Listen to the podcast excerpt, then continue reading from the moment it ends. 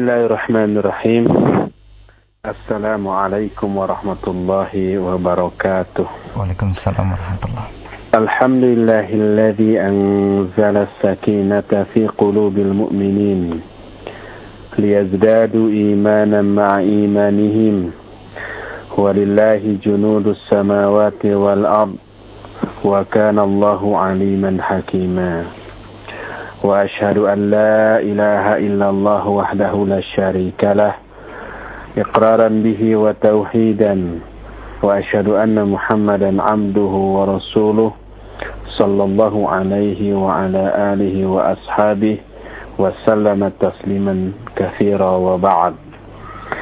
فإن أصدق الحديث كتاب الله وخير الهدي هدي محمد صلى الله عليه وآله وسلم وشر الأمور محدثاتها وكل محدثة بدعة وكل بدعة ضلالة وكل ضلالة في النار Ayuhal ikhwah, para pendengar Radio Roja di mana saja Anda berada. Alhamdulillah, sore hari ini kita kembali berjumpa untuk melanjutkan kajian kita yang pada kira-kira tiga Jumat yang lalu, karena dua Jumat eh, yang lalu saya ada udur. Tiga Jumat yang lalu pembahasan kita sudah sampai pada uh, salah satu di antara bagian dari iman kepada hari akhir yaitu beriman kepada adanya mizan atau timbangan serta sudah kita bahas pula tiga poin yang ditimbang dari diri kita. Pertama pahala dari amal yang kedua kitab catatan amal dan yang ketiganya badan orang yang beramal.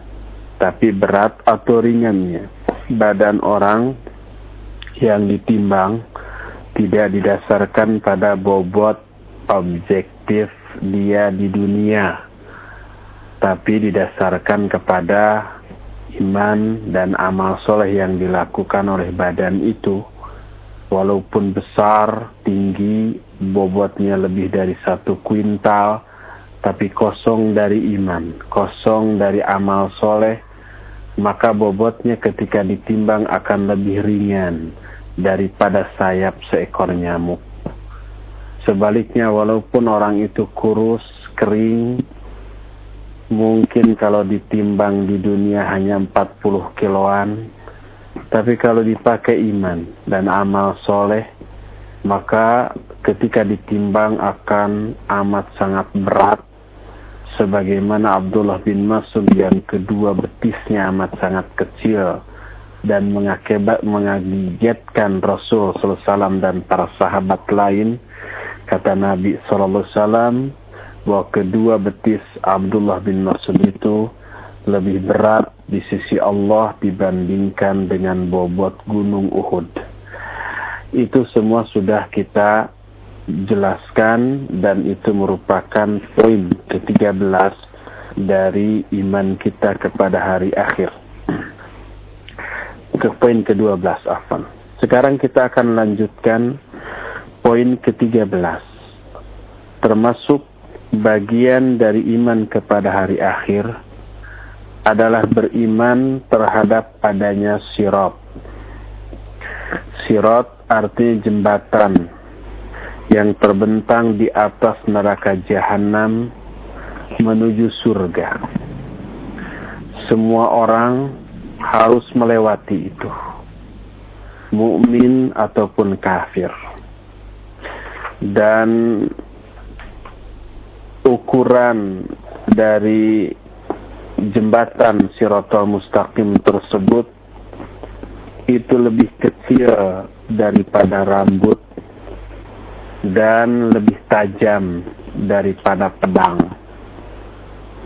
Tapi saya belum pernah mendengar keterangan bahwa kecilnya itu sama dengan rambut di belah tujuh.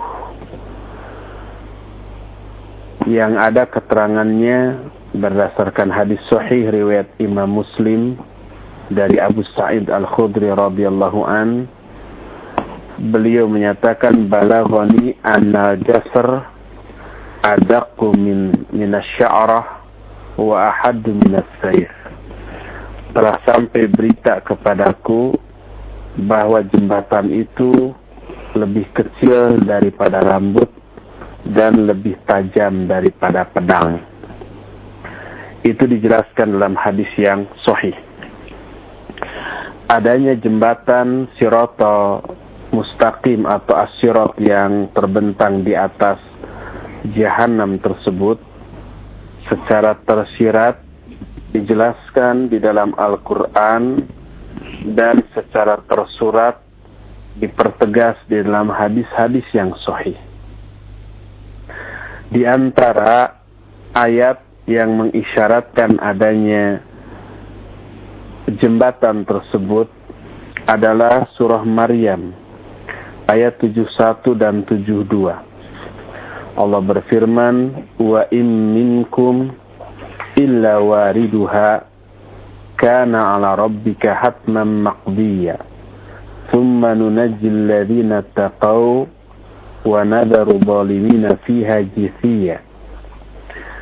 Kata Allah, tidak ada seorang pun di antara kalian kecuali akan warid di atas neraka. Dan itu adalah ketetapan yang sudah pasti dari Allah. Kemudian kami akan selamatkan orang-orang yang bertakwa. Dan kami biarkan orang-orang yang zalim di sana dalam keadaan terhina. Ketika menjelaskan ayat ini berkata Qatadah bahwa yang dimaksud wa in minkum illa wariduha tidak ada seorang pun di antara kalian kecuali akan warid ke dalam neraka. Maksud warid dalam ayat ini adalah al-mamaru alaiha, yaitu lewat, melintas di atas neraka tersebut. Berkata Abdurrahman bin Zaid bin Aslam, Wurudul muslimina al-mururu alal jasr baina dhahranaiha wa wurudul musyrikin ayyadkhuluha. Yang dimaksud wurudnya atau waridnya orang-orang muslim ke dalam neraka dalam ayat ke-71 dari surah Maryam tadi maksudnya adalah melintas di atas jembatan yang terbentang di kedua tepi neraka. Sedangkan yang dimaksud wurudnya orang-orang musyrik adalah memasuki neraka itu. Imam Ahmad rahimahullah meriwayatkan sebuah hadis yang diterima dari Abdullah bin Mas'ud radhiyallahu an. Kata Abdullah bin Mas'ud, Rasul sallallahu alaihi wasallam ketika menafsirkan ayat ini, yaitu surah Maryam ayat 71 yang menyatakan wa in minkum illa wariduha. Tidak ada seorang pun di antara kalian kecuali akan warid terhadap neraka tersebut. Berkata Rasul sallallahu alaihi wasallam, "Yaridul yaridun nasu kulluhum thumma yasduruna anha bi a'malihim." Kata Nabi sallallahu alaihi wasallam, semua manusia akan warid ke dalam neraka tersebut. Kemudian mereka akan keluar lagi dari neraka sesuai dengan amal-amal mereka sendiri. Hadis ini disahihkan oleh Syekh Al-Albani dalam kitab Silsilah Al-Ahadis As-Sahihah. Dalam riwayat Ibnu Abi Hatim disebutkan, Yaridun nasu jami'an as-sirat bi'amalihim. Faminhum man yamuru mithal bar' wa minhum yamuru mithal rih. Kata hadis ini bahwa manusia seluruhnya akan melintas di atas syirat, di atas jembatan, sesuai dengan amal-amal mereka masing-masing. Di antara mereka ada yang melintas seperti kilat, dan di antara mereka ada juga yang melintas seperti tiupan angin. Ayat tadi menunjukkan bahwa syirat itu ada jembatan yang terbentang di dalam neraka, di atas neraka menuju ke surga itu ada. Orang-orang mukmin akan selamat melintas, sedangkan orang-orang kafir akan disambar kemudian masuk ke dalam neraka tersebut. Bahkan ketika melintas di atas neraka, suasana amat sangat gelap. Tetapi kaum mukminin mereka memiliki cahaya yang besar atau kecilnya cahaya tersebut didasarkan kepada amal-amal yang mereka lakukan. Makin bagus dan banyak amalan mereka, makin besar cahayanya. Makin sedikit dan kecil amal mereka, makin sedikit juga cahayanya. Sehingga orang-orang munafik ketika melintas mereka ingin ikut nebeng kepada cahaya orang-orang mukmin. Ini dijelaskan oleh Allah dalam Al-Quran surah Al-Hadid ayat 12 dan ayat 13. Surah Al-Hadid adalah surah ke-57. Allah berfirman, Yauma taral mu'minina wal mu'minati yas'a nuruhum baina wa biaymanihim.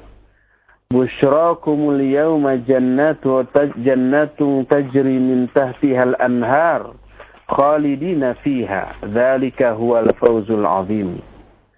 يوم يقول المنافقون والمنافقات للذين آمنوا انظرونا نقتبس من نوركم. قيل ارجئوا وراءكم فالتمسوا نورا. Kata Allah pada hari itu engkau melihat orang-orang mukmin laki-laki dan mukmin perempuan. Mereka berjalan dengan cahaya ada di depan mereka dan di sebelah kanan mereka Kabar gembira bagi kalian pada hari ini adalah surga yang banyak mengalir sungai-sungai di bawahnya. Itulah keber keberuntungan yang sangat besar. Pada hari itu berkatalah orang-orang munafik laki-laki dan munafik perempuan kepada orang-orang yang beriman. Unduruna naqtabis min nurikum. Tunggulah kami sehingga kami bisa ikut kepada cahaya kamu. Dikatakan irji'u wara'akum. Pergilah, kembalilah kamu ke belakang. Faltamisu nura, cari cahaya kamu sendiri. Ayat yang terdapat dalam Al-Hadid ini menjelaskan ketika kaum mukminin menyeberang jembatan tersebut dengan membawa cahayanya masing-masing.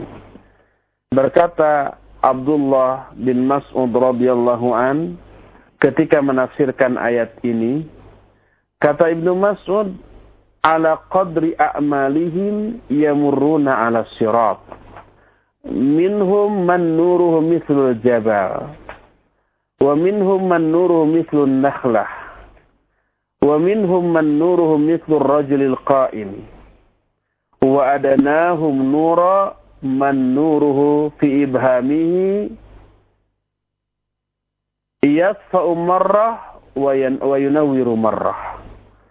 Kata Abdullah bin Mas'ud, mereka nyebrang di atas jembatan berdasarkan kadar amal mereka masing-masing. Di antara mereka ada yang cahayanya sebesar gunung. Ada juga yang cahayanya sebesar pohon kurma. Ada juga yang cahayanya setinggi orang berdiri. Dan paling kecil adalah orang yang cahayanya sebesar jempolnya. Kadang-kadang padam. Kadang-kadang bercahaya. Itu kondisi kaum muslimin ketika menyeberang.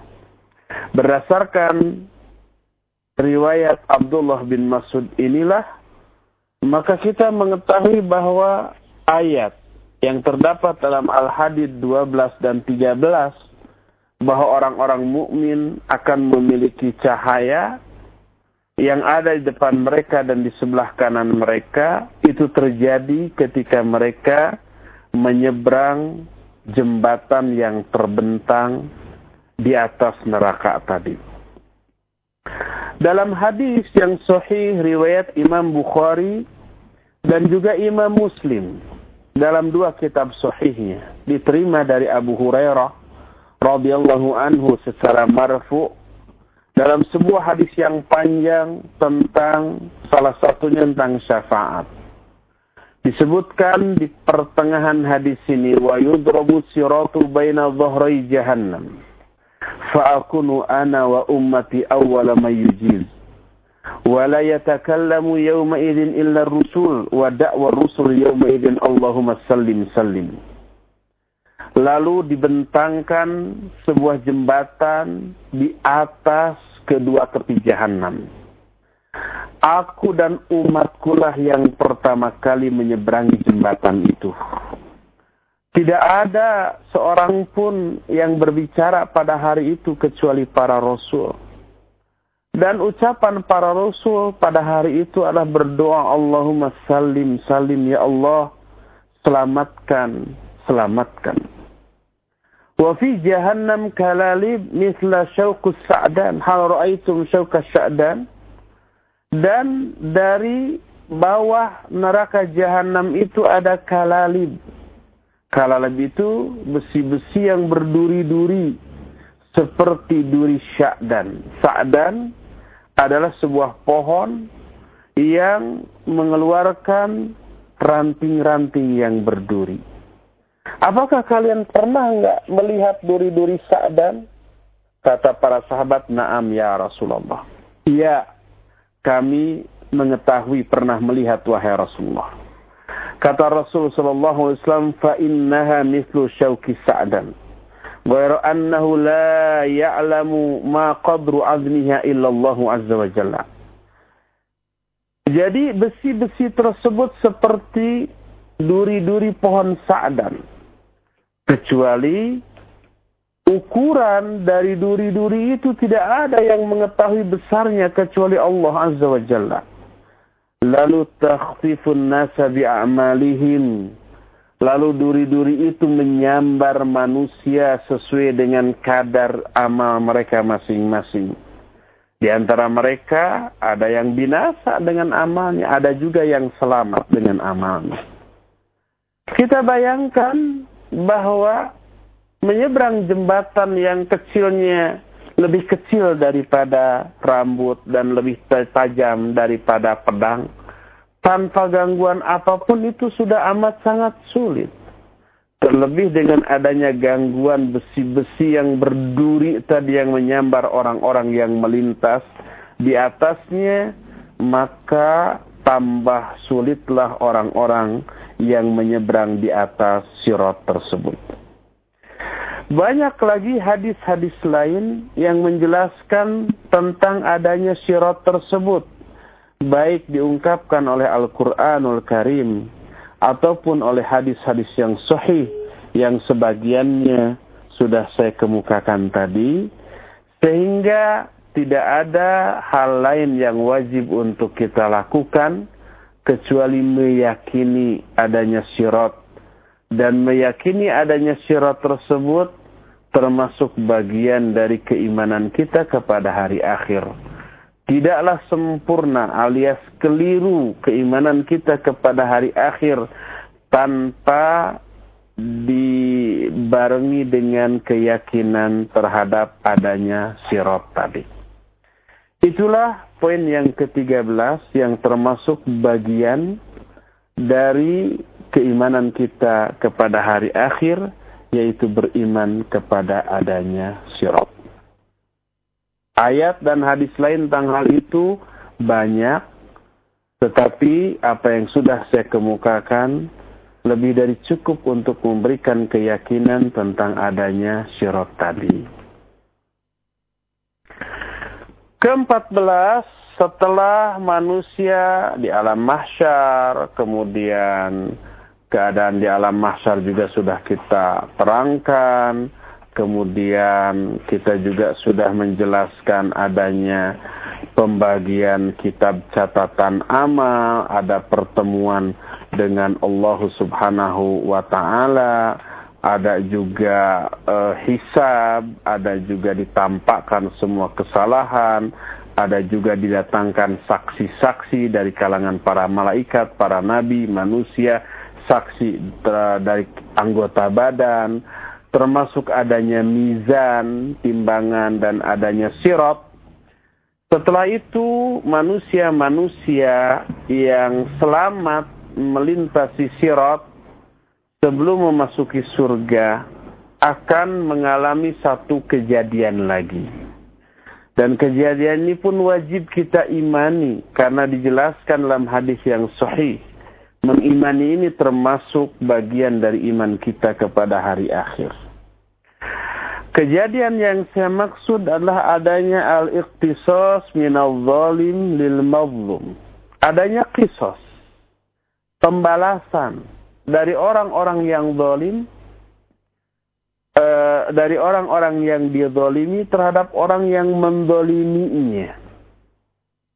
Itu nanti akan ada pembalasan, ada akan ada perhitungan.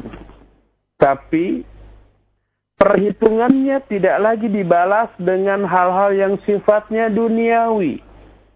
Kalau umpamanya di dunia seseorang pernah dolim kepada orang lain dengan cara menghina, memfitnah, menggibah, menampar, memukul, mengambil barangnya, atau pinjam uang, pinjam barang, tapi tak dibayar, tak dikembalikan.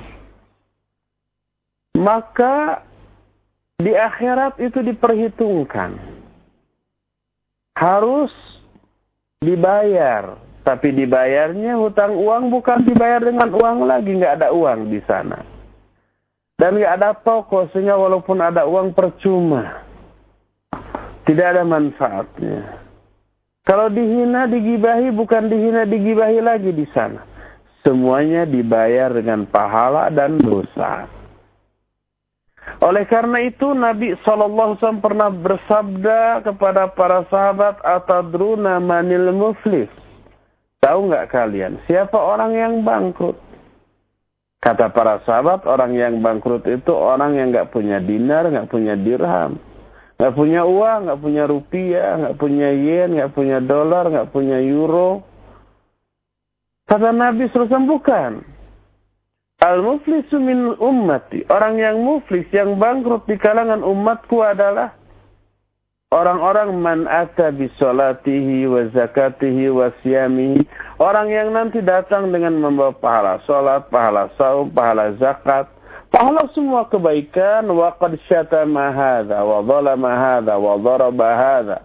Tapi dulu dia ketika di dunia pernah mencela si Anu, pernah berbuat zalim kepada si Anu, pernah memukul si Anu, pernah melakukan berbagai macam kejahatan dan tidak terbalas ketika di dunia maka diambil kebaikan-kebaikan dan pahala dari orang yang zalim itu lalu dioffer kepada orang yang dizaliminya.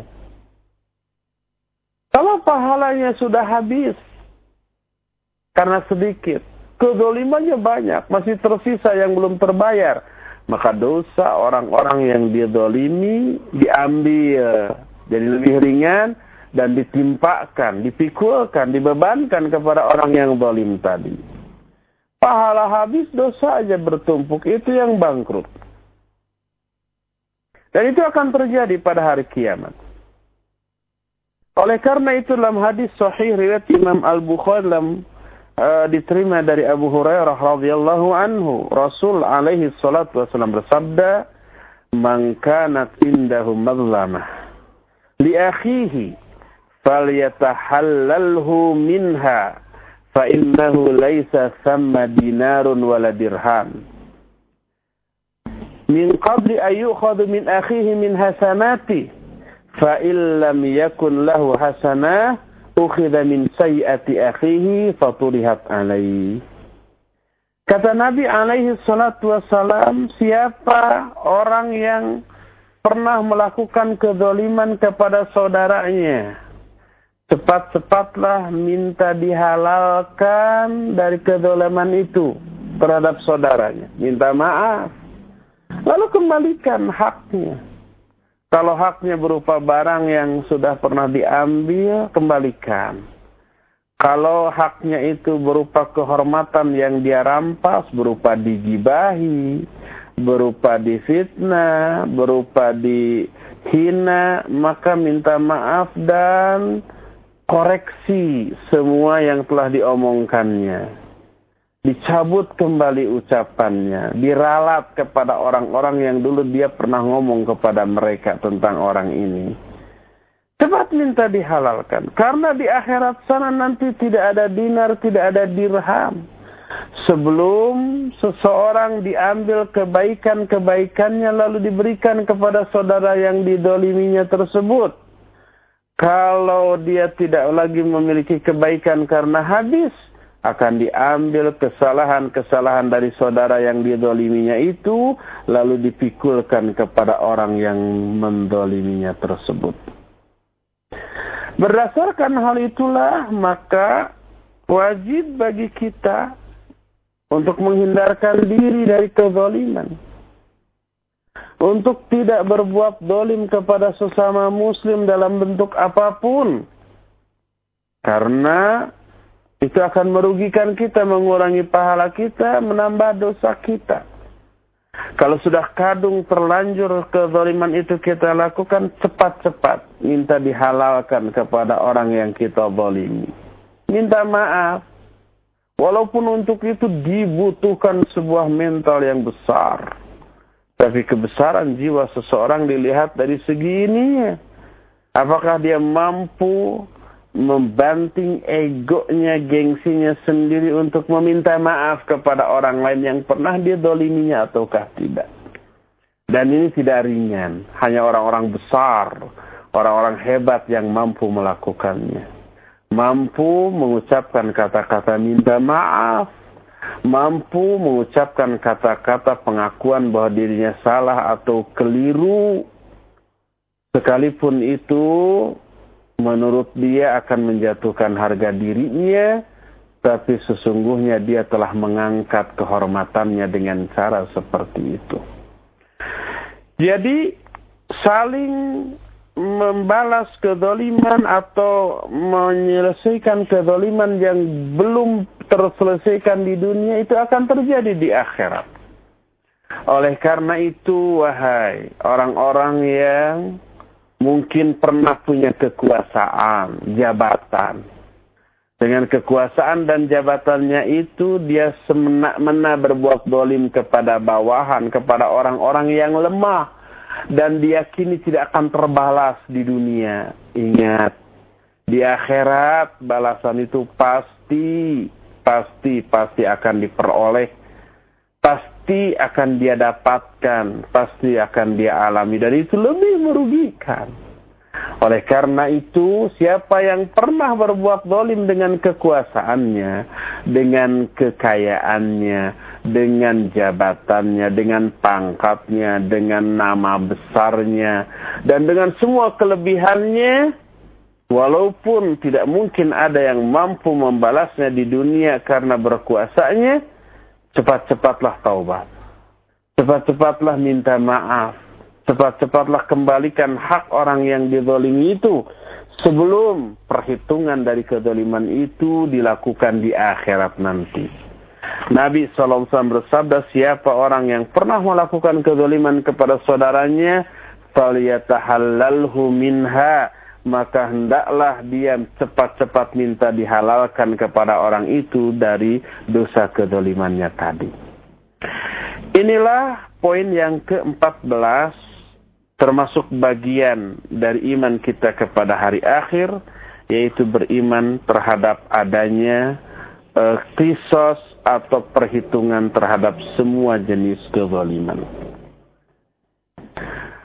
Kelima belas, poin kelima belas merupakan poin dengan penjelasan terpanjang dalam bab ini. Yaitu termasuk bagian dari iman kita kepada hari akhir adalah beriman kepada adanya surga dan neraka kita nanti akan berkelana di alam surga. Kita akan membongkar dan mengais seluruh keindahan yang ada dalam surga. Sebatas yang Allah jelaskan dalam Al-Quran dan Sunnah yang sahihah melalui lisan Rasulnya alaihi salatu wassalam.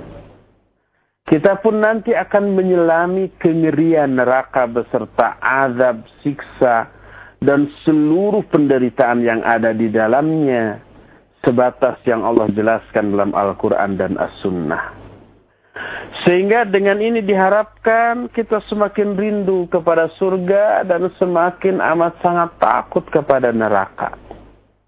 Dan dengan semua itu diharapkan kita bisa lebih terpacu untuk beribadah dan lebih tahan banting dalam menjauhi semua kemaksiatan, dosa dan kesalahan lain yang bisa menjerumuskan ke dalam neraka. Jadi wajib kita beriman kepada adanya surga dan neraka. Dan kewajiban ini termasuk bagian dari iman kita kepada hari akhir. Kelirulah, salahlah dan sesatlah seseorang yang beriman kepada hari akhir tanpa disertai dengan iman kepada surga dan neraka.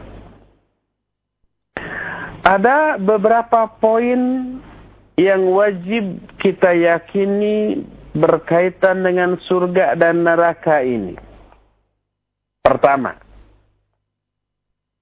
kaunuhuma haqqa la raiba fiha wala syak.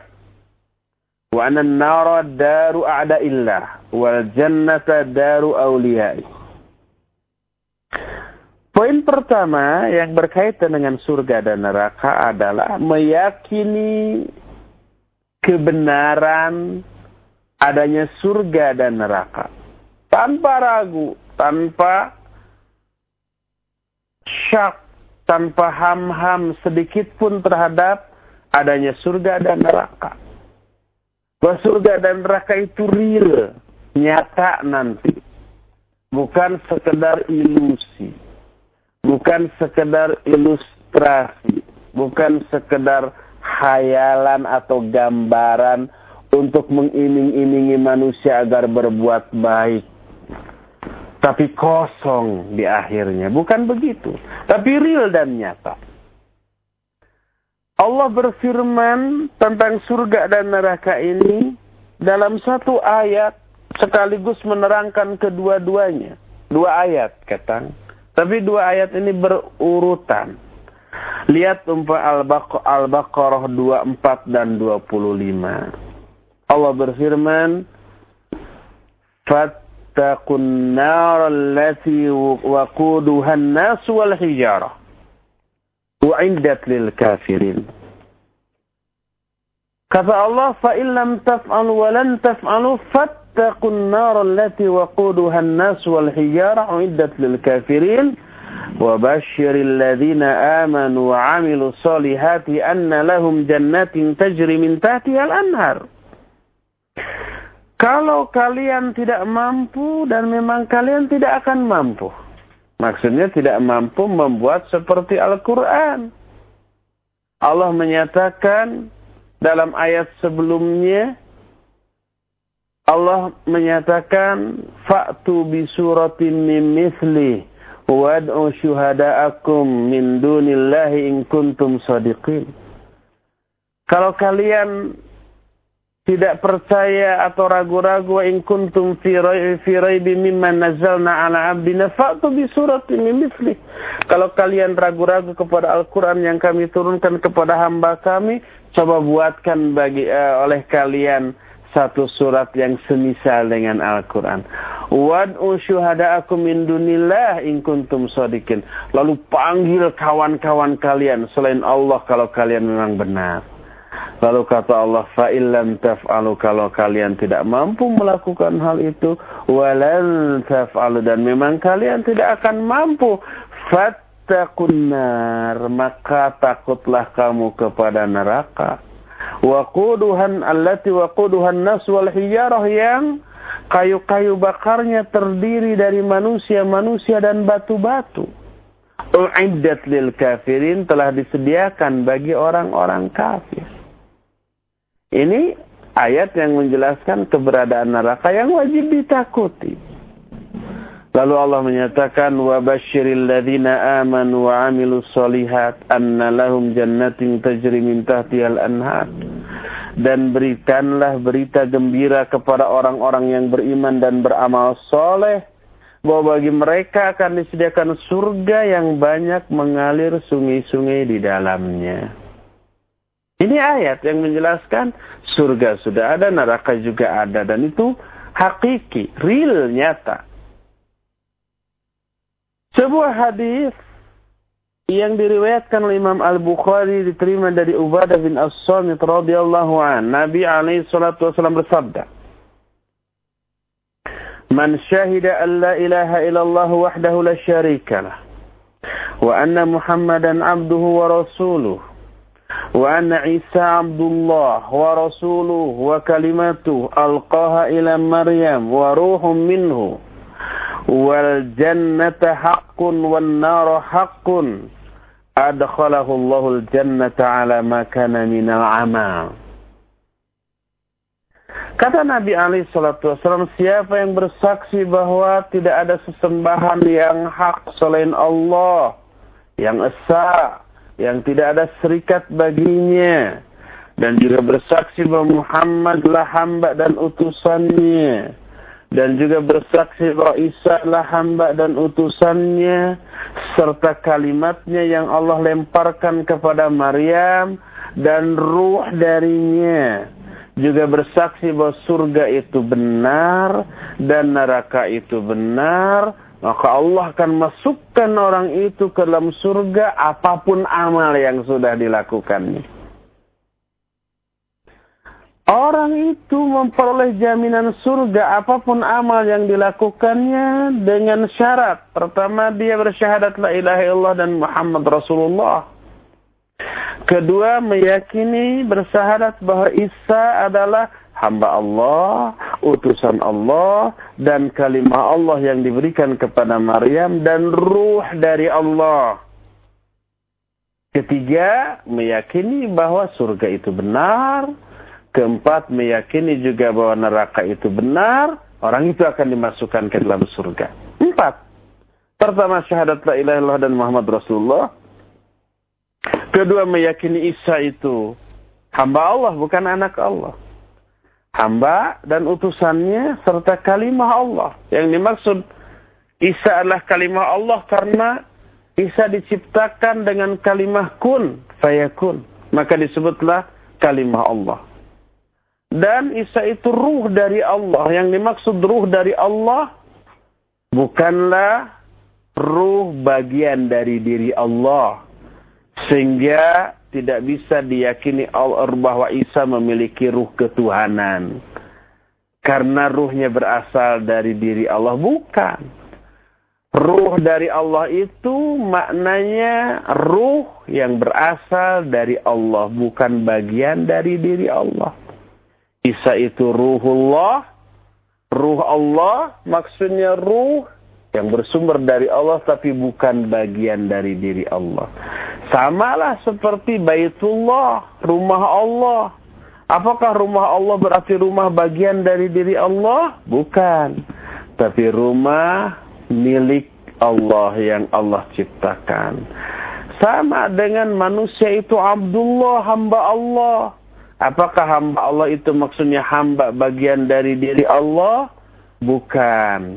Tapi hamba Allah ad adalah hamba milik Allah, diciptakan oleh Allah tapi bukan bagian dari diri Allah. Isa hamba Allah, utusan Allah, kalimat Allah, dan ruh Allah.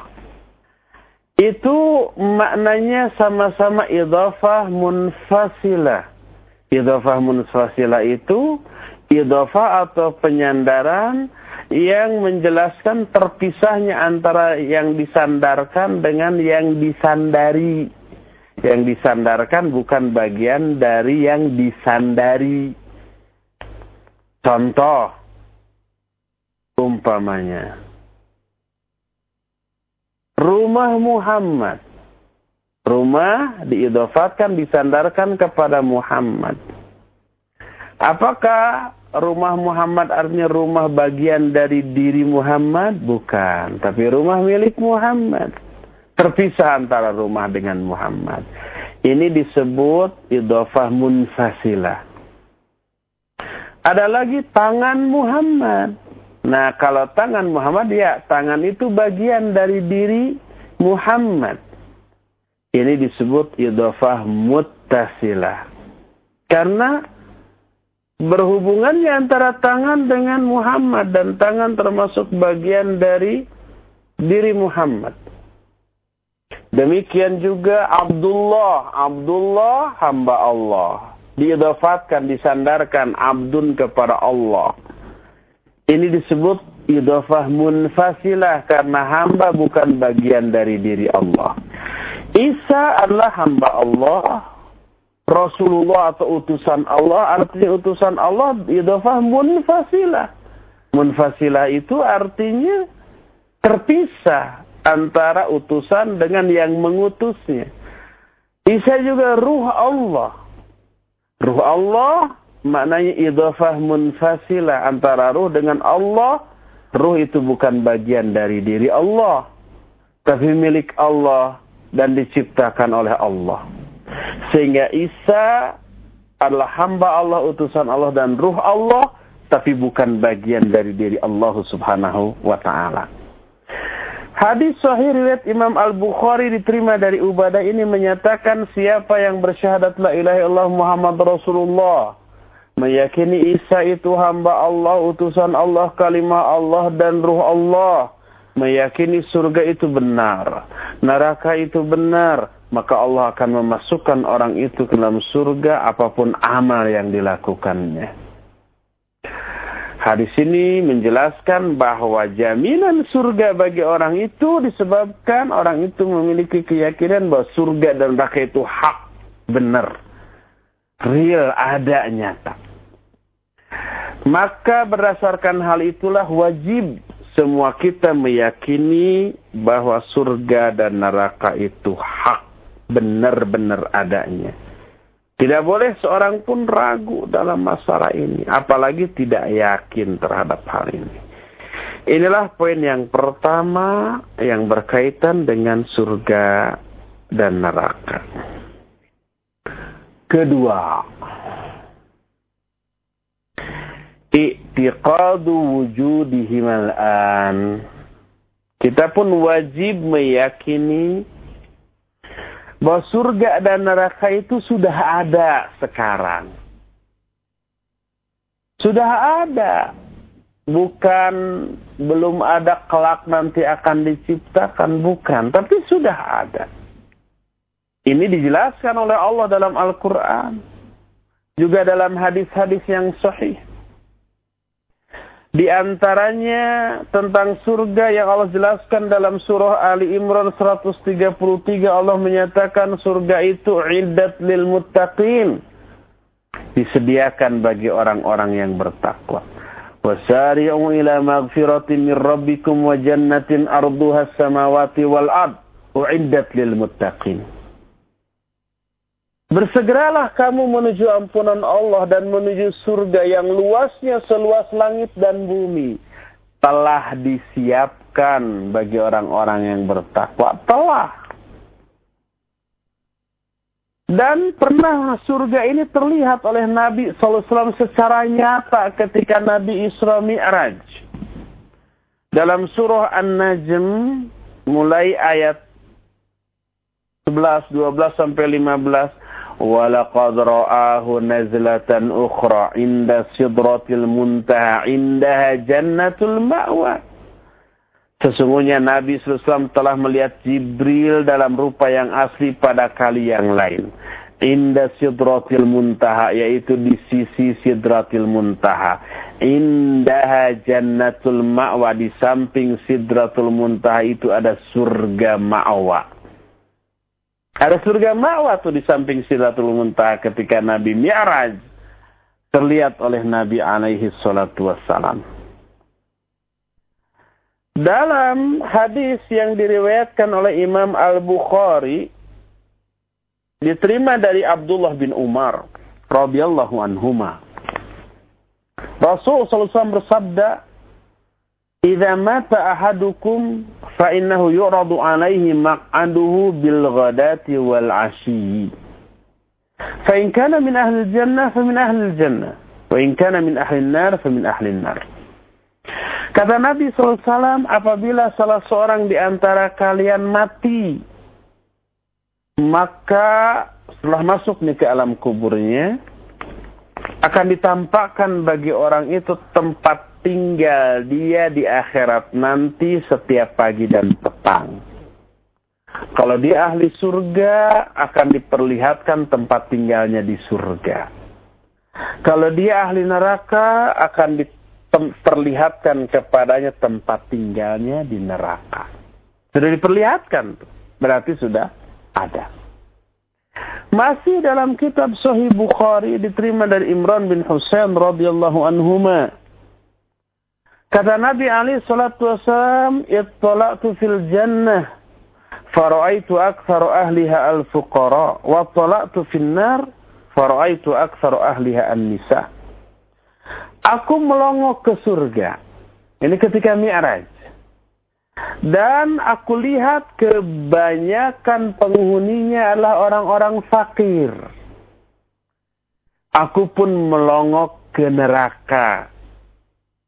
Dan aku melihat kebanyakan penghuninya adalah para wanita. Wanita-wanita tentu saja yang tidak taat ya. Bukan akhwat-akhwat yang solihah, yang konitat. Bukan dan yang solihah yang konitat itu sedikit sedikit sedikit bisa dibandingkan dengan wanita-wanita durhaka. Yang berjilbab aja yang menutup aurat dibanding yang membuka aurat coba bandingkan. Mungkin satu berbanding seratus juga kegedean itu. Kebanyakan. Lebih sedikit mungkin satu berbanding seribu juga kebanyakan. Entahlah kalau satu berbanding sejuta. Kalau umpah penduduk Indonesia 250 juta umpamanya ya. Kemudian setengahnya anggaplah wanita 150 juta wanita umpamanya ya. Nah jumlah penduduk Indonesia wanita yang berzilbab. Ada nggak sejuta orang? Belum tentu tuh. Ini menunjukkan amat sangat sedikit. Dan kebanyakan masuk ke dalam neraka. Kata Nabi SAW, aku menengok ke neraka dan aku melihat kebanyakan penghuninya adalah para wanita. Masih dalam Sahih Bukhari dari Abu Hurairah radhiyallahu anhu, Nabi alaihi salatu wasalam kata Abu Hurairah, "Bainama nahnu inda Rasulillah sallallahu alaihi wasallam idqal, bainama ana naim ra'aituni fil jannah." فإذا امرأة تتوضأ إلى جانب قصر فقلت لمن هذا القصر قال فقالوا لأمر بن الخطاب فذكرت غيرته فوليت مدبرا فبكى عمر وقال عليك أغار يا رسول الله Ketika kami berada di samping Rasul alaihi salatu wasalam tiba-tiba beliau bersabda Kata beliau, ketika aku sedang tidur, aku bermimpi. Dan mimpi beliau adalah wahyu. Aku melihat diriku ada di dalam surga. Tiba-tiba ada seorang wanita yang berwudu di samping sebuah istana. Aku bertanya, milik siapa istana ini? Dijawab, ini milik Umar ibn Khattab. radhiyallahu an. Lalu kata Abu Hurairah, aku terangkan kecemburuan Rasul Shallallahu Alaihi Wasallam kepada Umar. Lalu setelah itu aku pulang lagi berpaling lagi menangislah Umar. Tentu saja Umar menangis bahagia. Surganya sudah disiapkan istana yang megah. Dan itu semua menunjukkan surga itu sudah ada sehingga Rasul Shallallahu Alaihi Wasallam pun sempat melihatnya bahkan mengalami masuk sekalipun di alam mimpi. Demikian juga hadis-hadis tentang neraka. Dalam salah satu hadis sahih riwayat Imam Al-Bukhari. Nabi alaihi wasallam bersabda diterima dari Abu Dhar dan Abu Sa'id radhiyallahu anhuma kata Nabi abridu bis shalah fa inna har min faihi jahannam. Abridu bis maknanya lakukan sholat pada waktu cuaca sudah agak dingin. Karena panas yang dahsyat ini termasuk pengaruh dari gejolaknya neraka jahanam. Masih dalam Sahih Bukhari dari Abu Hurairah radhiyallahu an, Rasul alaihi salatu wasallam bersabda, "Ishtakatin nar ila rabbiha faqalat rabbi akala ba'dhi ba'dha." Fa'adina laha binafsain. Nafsin fi syita wa nafsin fi sayf. Fa'ashaddu ma tajiduna fil har wa asyaddu ma tajina fi zamharir. Kata Rasul alaihi salatu neraka mengadu mengeluh kepada Allah. Kata neraka, "Ya Allah, sebagian diriku memakan sebagian yang lain." Jadi api neraka saling memakan satu sama lain. Lalu Allah mengizinkan kepada neraka untuk bernafas dua kali sekali pada musim dingin dan sekali pada musim panas. Maka kamu dapati ketika dia berhembus, kalian merasakan panas yang amat sangat, dan ketika dia menghela, menarik nafas, kalian dapati itu udara amat sangat dingin. Di dalam setahun dua kali nafas itu. Ketika menghembuskan nafas, itulah saat-saat ketika musim panas.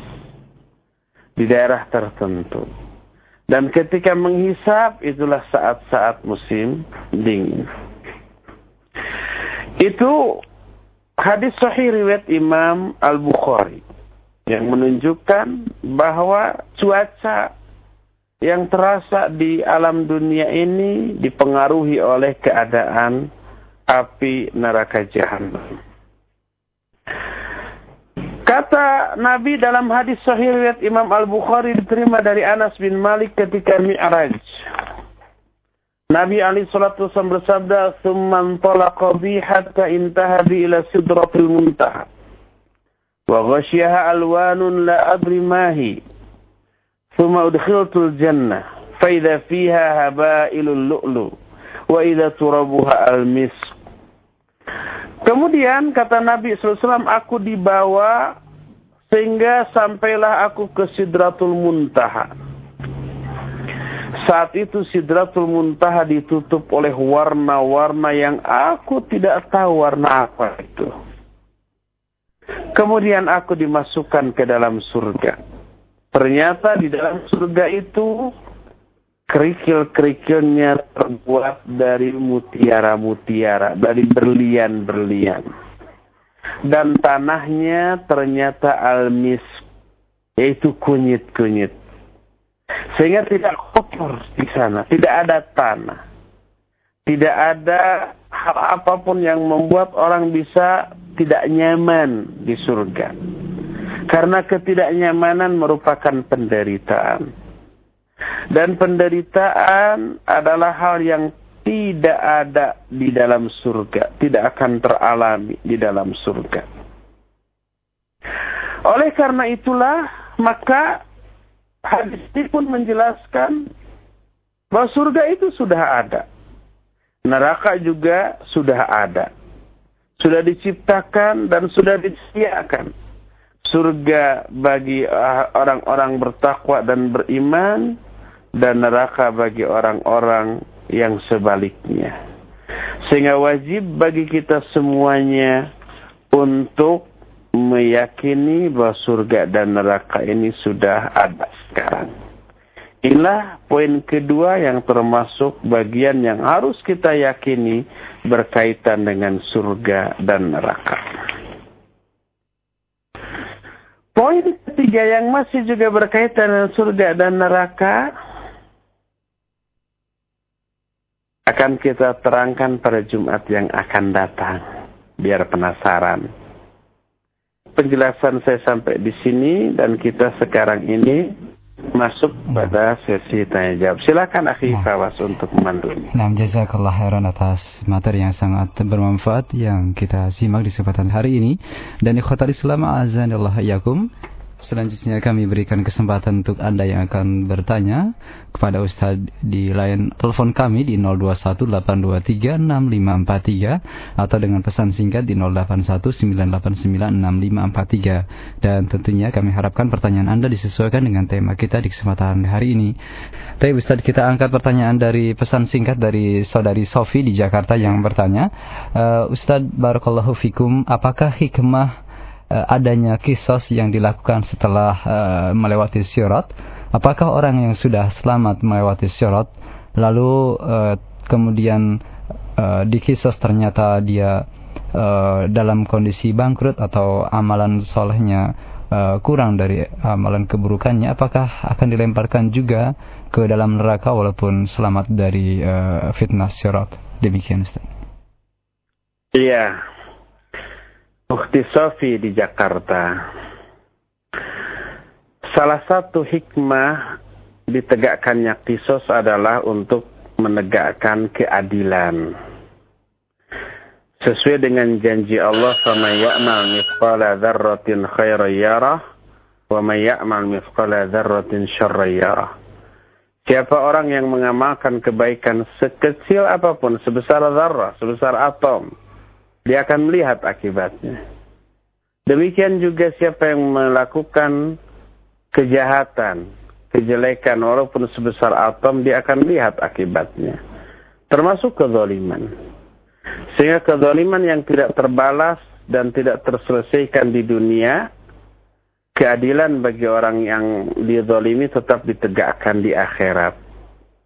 Dan itulah keuntungan dari orang-orang yang mazlum.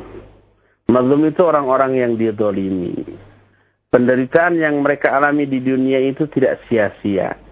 Dibalas oleh Allah dengan pahala dan pengurangan dosa. Dari sisi ini beruntunglah orang-orang yang didolimi dan sangat rugilah orang-orang yang dolim. Maka keadilan pun tegak dengan adanya perhitungan seperti itu. Itu yang pertama.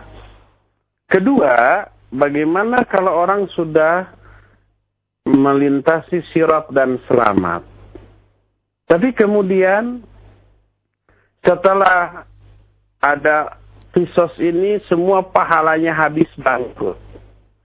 Dan dosa-dosanya banyak sisa. Apakah dia akan masuk ke dalam neraka? Wallahu alam. Tapi yang jelas, pertama, orang yang akan selamat dari api neraka tersebut ketika dia melintasi syirat, itu orang-orang yang tadi disebutkan tadi berdasarkan kadar amalnya. Kalau orang tersebut memiliki kezoliman yang lebih banyak daripada pahala-pahalanya, dia belum tentu selamat melintasi sirot tadi. Dan orang yang selamat itu hanyalah orang yang pahalanya sangat banyak, amalnya sangat banyak. Mungkin ada kedoliman. Tapi kedolimannya sedikit dibanding pahala yang sudah dia tabung.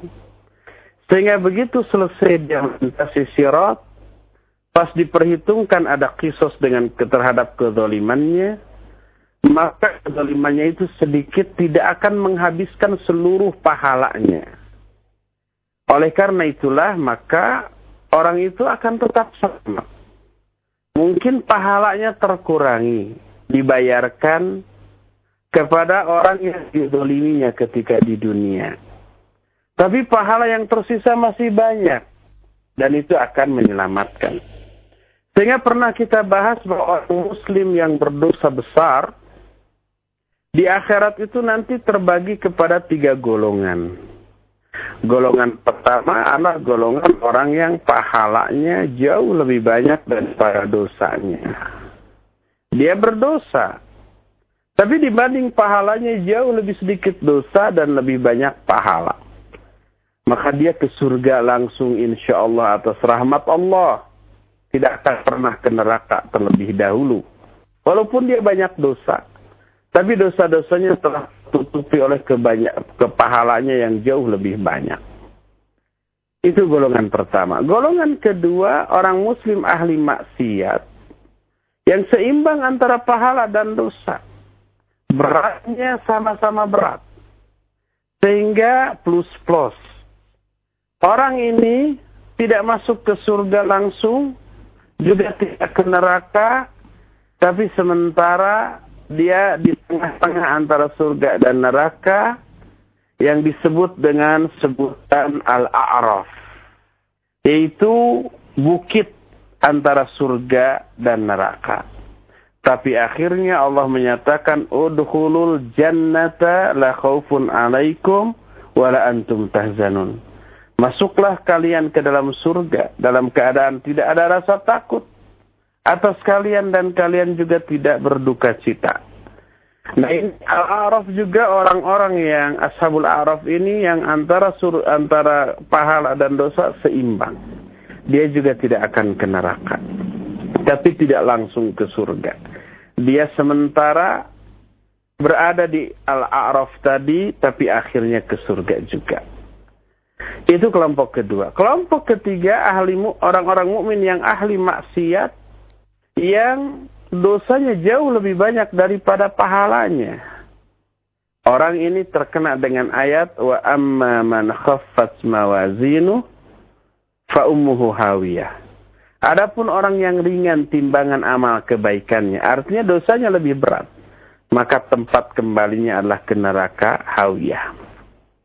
Jadi itu semuanya perhitungan yang akan teralami oleh setiap muslim, muslimat yang berdosa dan apa mereka selamat atau tidak dari neraka tergantung dari pahala dan dosa yang tersisa.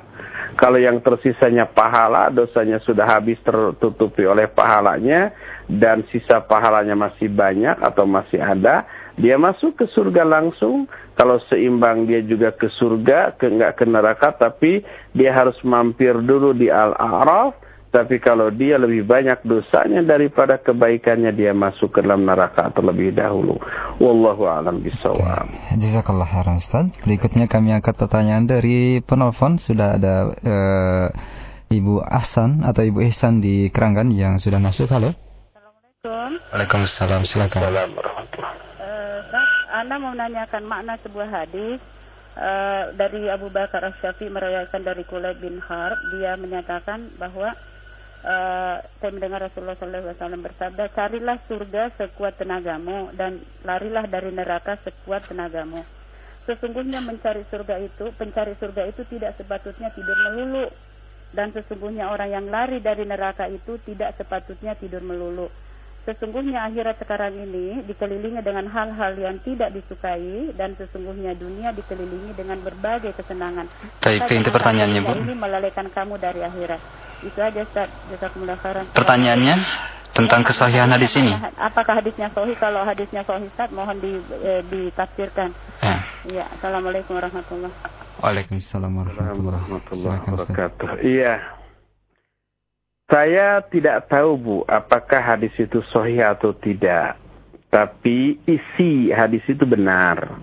Tapi ada hadis yang mirip ya agak senada, terutama ujung dari hadis itu Hadisnya terdapat di dalam kitab Sahih Muslim dan kitab-kitab Sunan dan Musnad Imam Ahmad.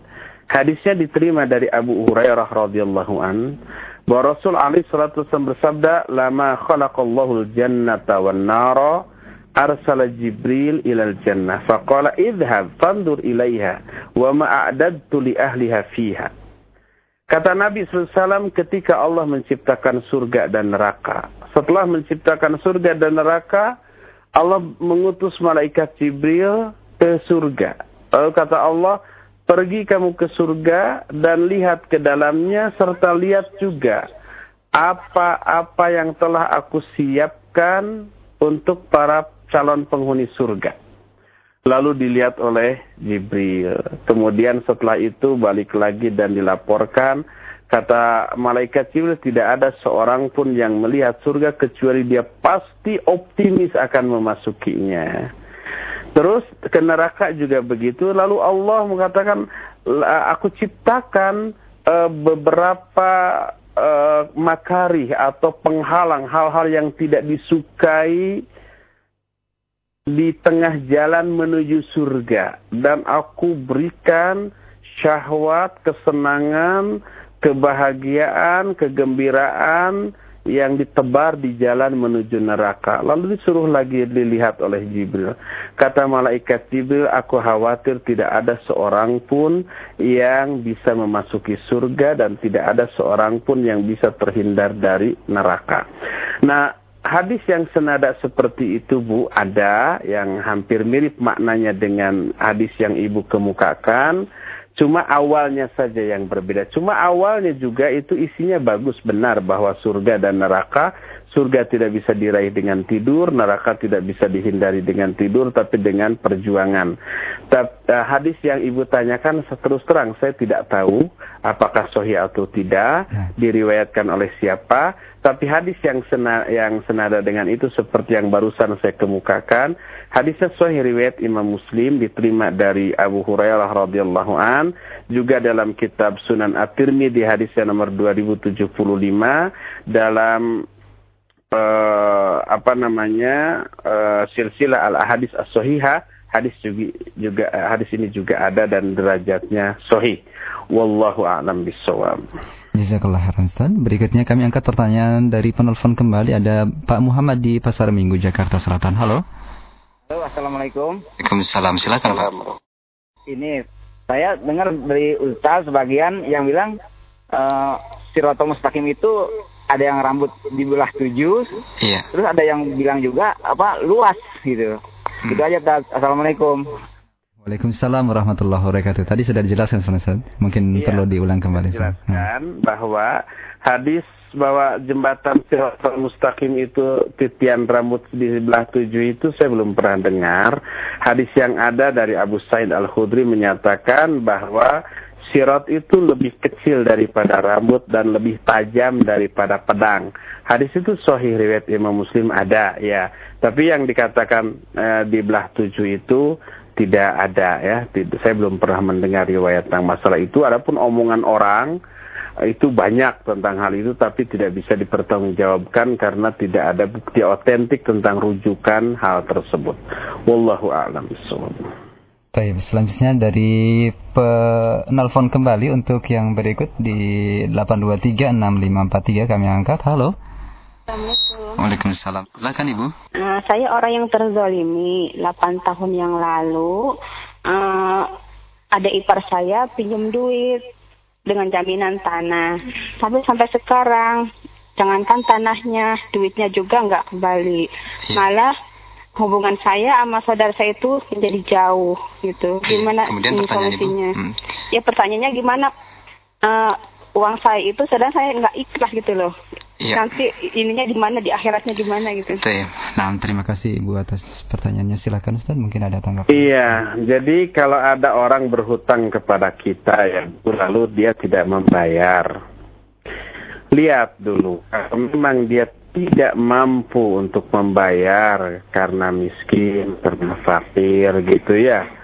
Maka hal terbaik yang kita lakukan adalah mensodakohkannya dengan cara menganggap lunas dan dianggap sodakoh dan itu akan memperoleh pahala besar. Hmm. Itu pertama. Hmm. Kedua, kalau orang itu sebenarnya mampu, cuma karena pelit nggak mau bayar hutang umpamanya, Nah orang seperti ini pencuri kata Nabi SAW orang yang apa berhutang dengan niat tidak membayar orang itu disebut pencuri.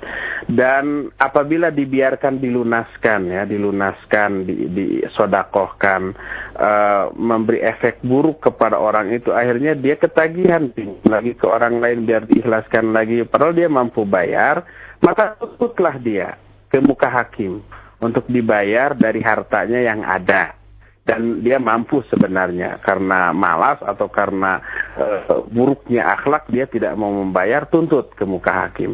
Kalau di Indonesia ya bisa dilaporkan ke polisi umpamanya kalau ada bukti dan saksi tentang transaksi peminjaman tersebut agar memberi efek jerah kepada dia agar dia tidak seperti itu lagi.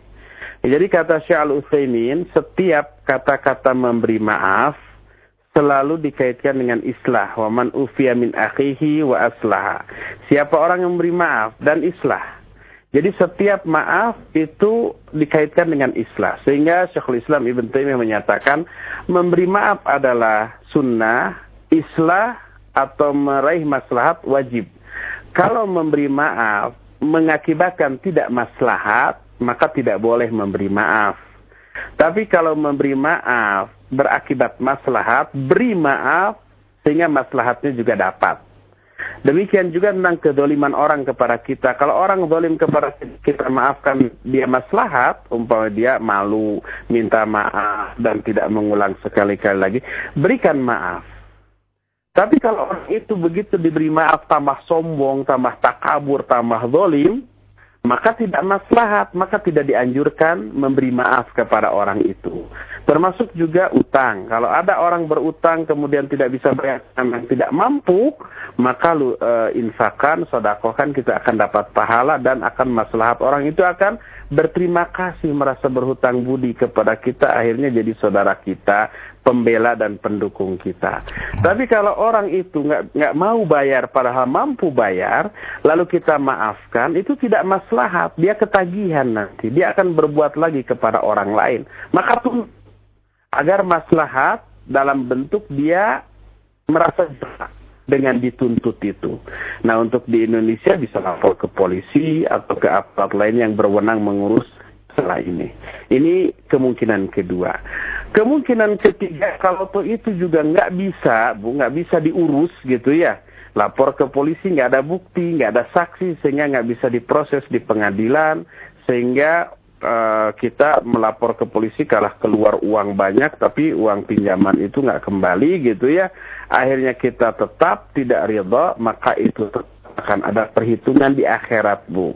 Hutang dia, hutang orang itu ke ibu tetap akan dikembalikan di akhirat tapi di akhirat bukan dalam bentuk uang, tapi dalam bentuk pahala. Nanti pahala dia sebagian diberikan ke ibu. Kalau dia nggak punya pahala karena punya ke banyak orang, dibayarin dulu ke orang-orang, pahalanya habis, pas ke ibu belum kebayar, maka dosa ibu diambil dan dipikul kepada dia. Insya Allah pokoknya semua permasalahan yang belum tuntas di dunia, di akhirat tetap akan ada perhitungannya. Begitu ya Bu ya, hmm. Wallahu a'lam. Terima kasih Ustaz. Berikut kami angkat pertanyaan dari pesan singkat kembali dari Pak Sulaiman Depok dan Ibu Nisa di Pondok Betung yang bertanya hal yang sama.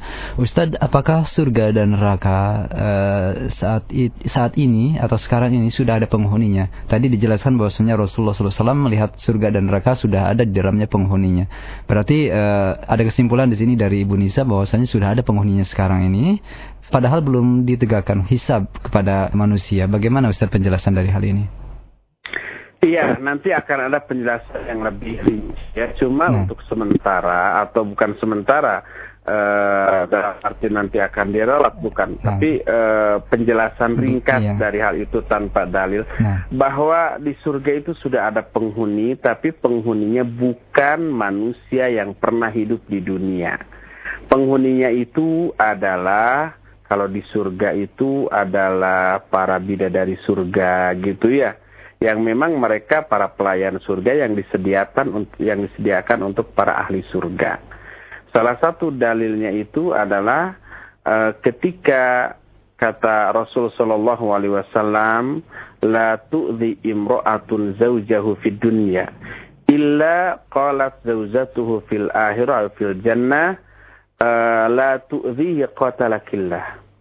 Tidaklah seorang istri di dunia menyakiti suaminya di dunia kecuali istri dari suami itu di akhirat di surga itu akan berkata,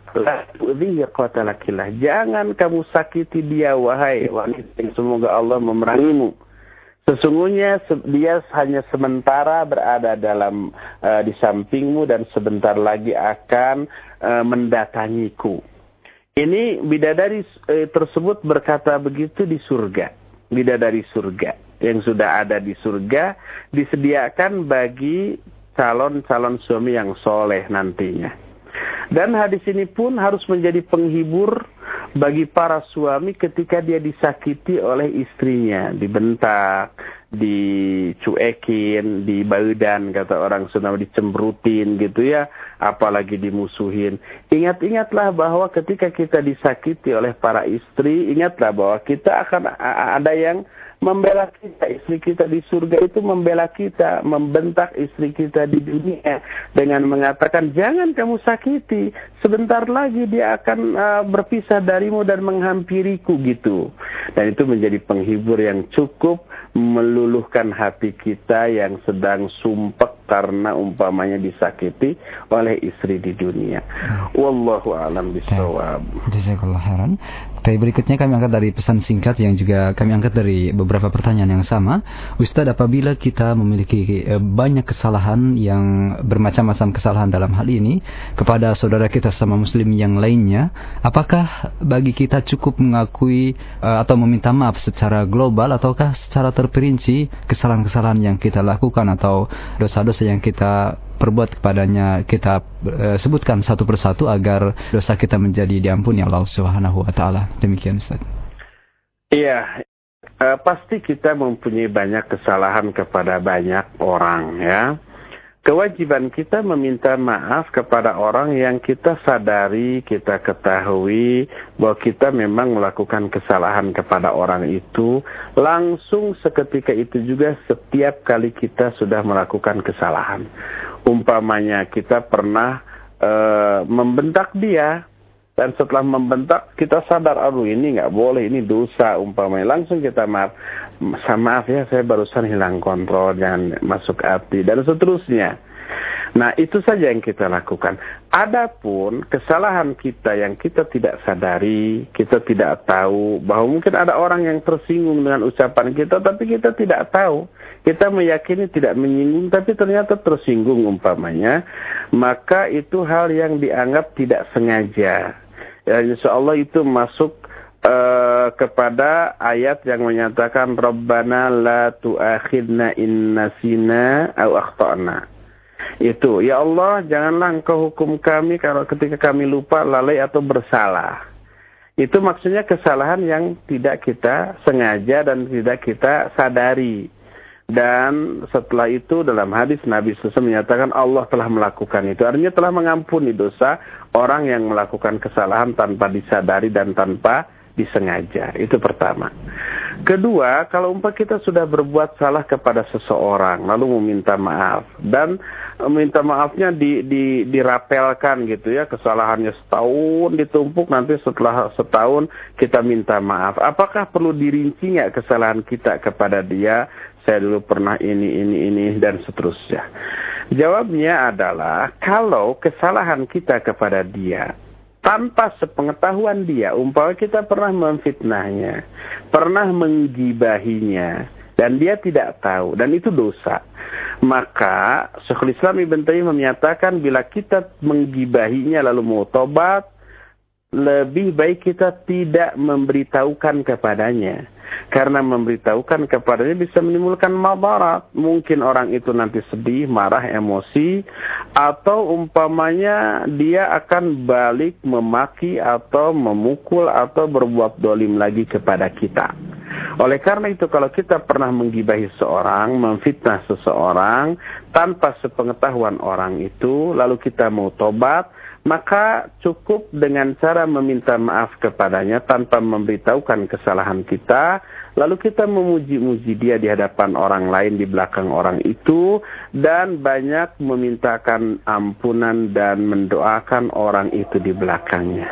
Itu saja sampai di sini insyaallah kita jumpa lagi Jumat mendatang. Subhanakallahum bihamdik asyhadu an la ilaha illa anta astaghfiruka wa atubu ilaik walhamdulillahirabbil alamin. Wassalamualaikum warahmatullahi wabarakatuh.